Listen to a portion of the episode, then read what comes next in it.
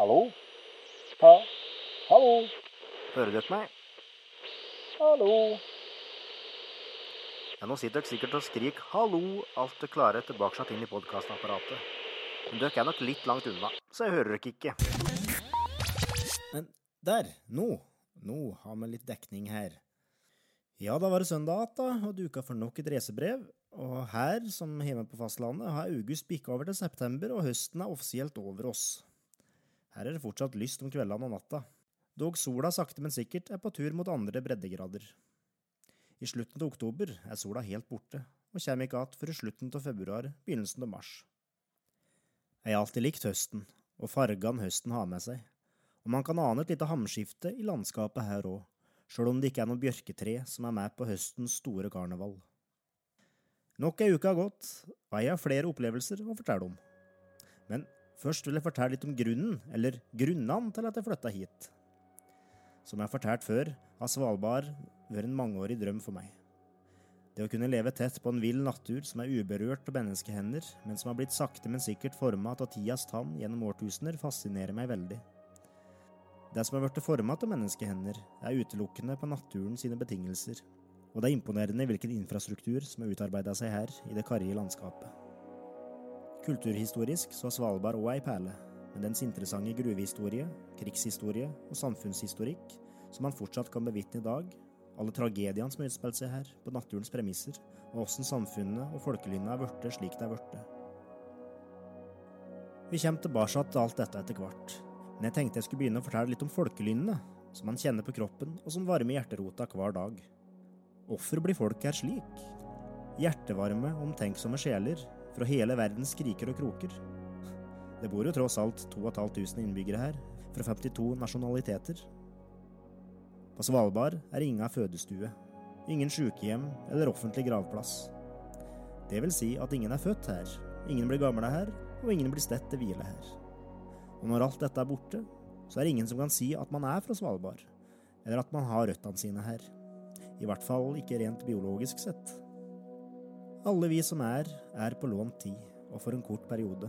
Noe som antageligvis gjør alle bånd, vennskap og relasjoner sterkere. Det kan på en måte minne litt om å gå på folkehøyskole. Å leve i ei boble, og de menneskene du har rundt deg, har du bare her. Ganske spesielt. Eldreomsorg, innvandring, ruspsykiatri, Nav-kontor og andre sosiale tjenester er utelukkende. Noe som gjør det til et ganske spesielt samfunn, der alle er nødt til å ta vare på hverandre for rett og slett å overleve her. Dette var òg noe som var tydelig poengtert på jobbintervjuene mine. At hvis jeg hadde noen utfordringer av noe slag, så var ikke Svalbard plassen for meg.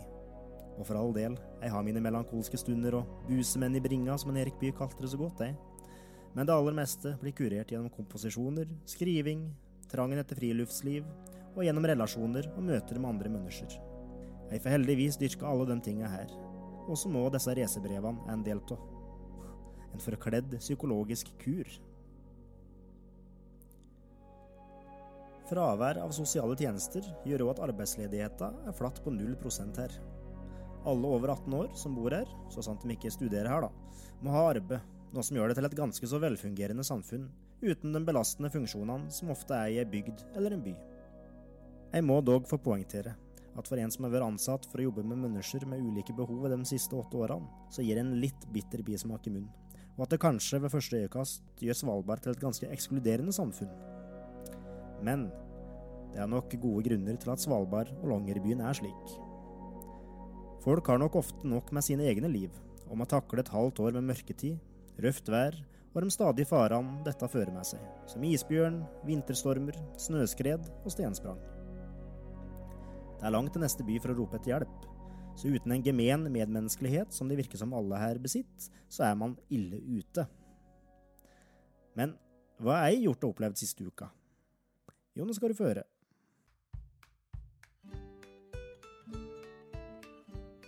Jeg vil begynne med å fortelle om en liten fjelltur. Min første offisielle fjelltur her på Svalbard.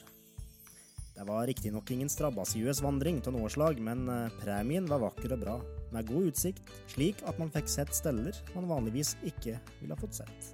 Og det er vel det som primært er hovedmålet med de fleste fjellturer, uavhengig av høyde og utfordringer.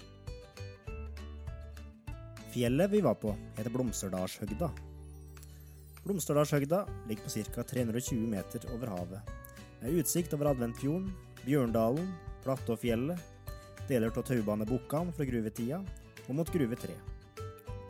Med på turen var Mariam og Irene fra barnehagen, og en annen leilending som meg sjøl, som òg hadde flytta hit nylig. En 48 år gammel nordnorsk mann som hadde flytta fra et mangeårig byliv i Oslo for å leve ut drømmen her, i Norges Klondyke. Han kunne fortelle at han var nytilsatt ved Svalbard Auto, Svalbards eneste bilforhandler. Noe som igjen forklarer hvorfor 95% av alle bilene oppe her er til merket Toyota. Mannen hadde ei snedig og søt historie å fortelle.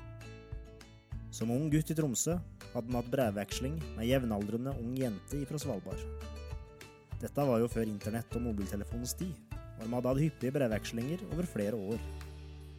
En av de første dagene etter at han hadde flytta opp hit, hadde mannen vært en tur innom museet her i Longyearbyen, og plutselig fått øye på et ansikt med kjente trekk. Ansiktet foran tilhørte jenta han hadde brevveksla med 35 år før. Mannen senka blikket sitt, og foran den, i en glassmonter, fikk han øye på alle brevene han hadde sendt til jenta i ungdommen. Han ble målløs til å skue på sin egen håndskrift og sine egne ord, som tilfeldigvis befant seg i en glassmonter på Svalbard. En morsom historie. Forrige lørdag var det pridefeiring her i Longyearbyen, som har blitt en viktig markering til menneskerettigheter her som i resten av landet.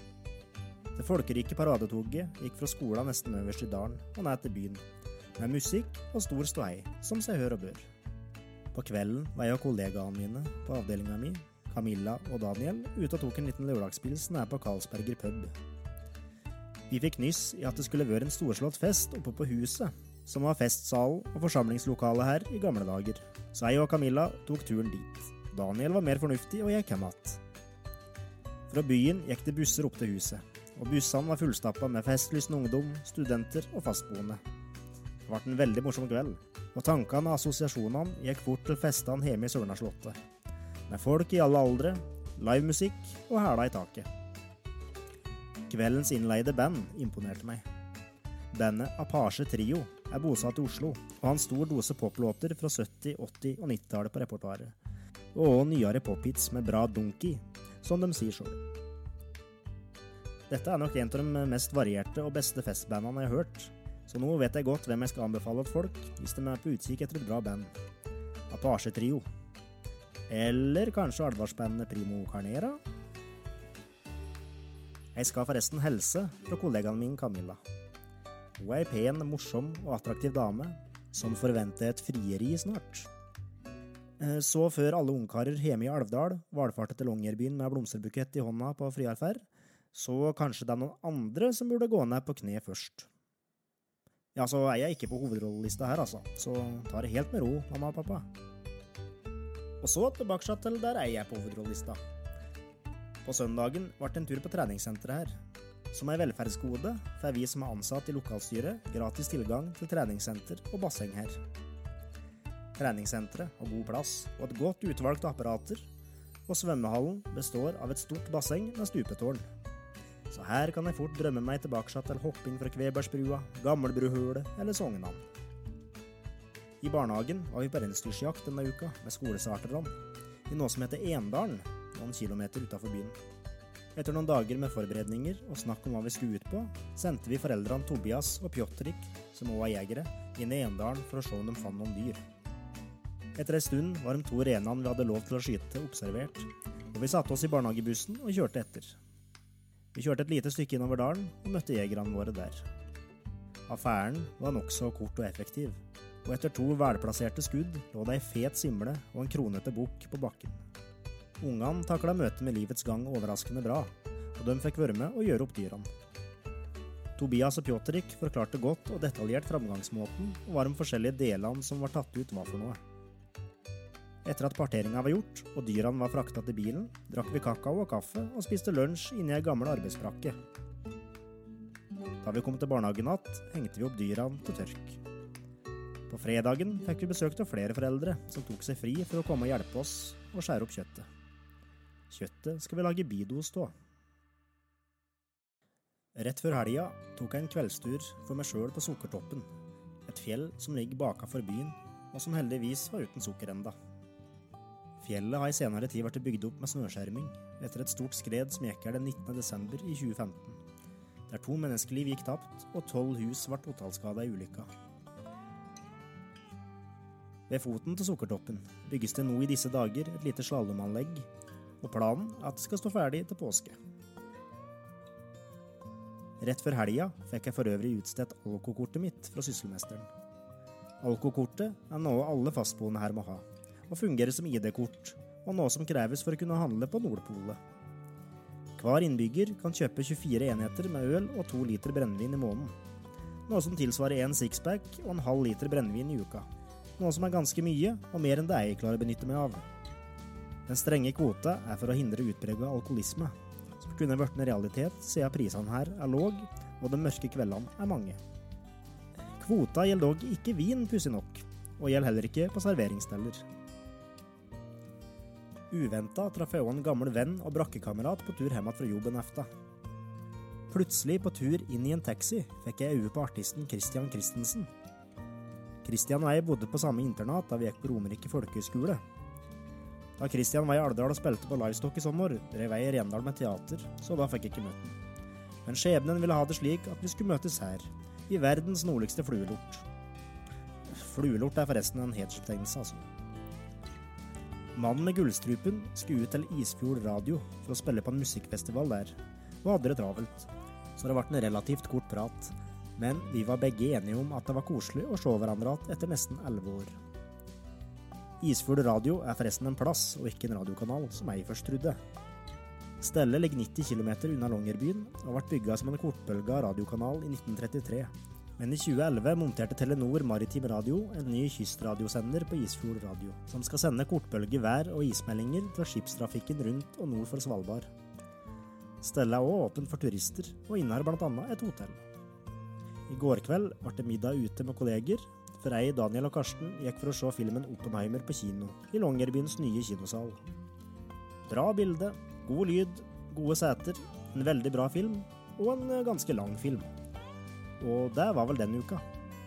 Jeg håper at du vil høre på neste gang òg. Neste reisebrev kommer Ja, du gjetta riktig. Neste søndag. Ha det så lenge.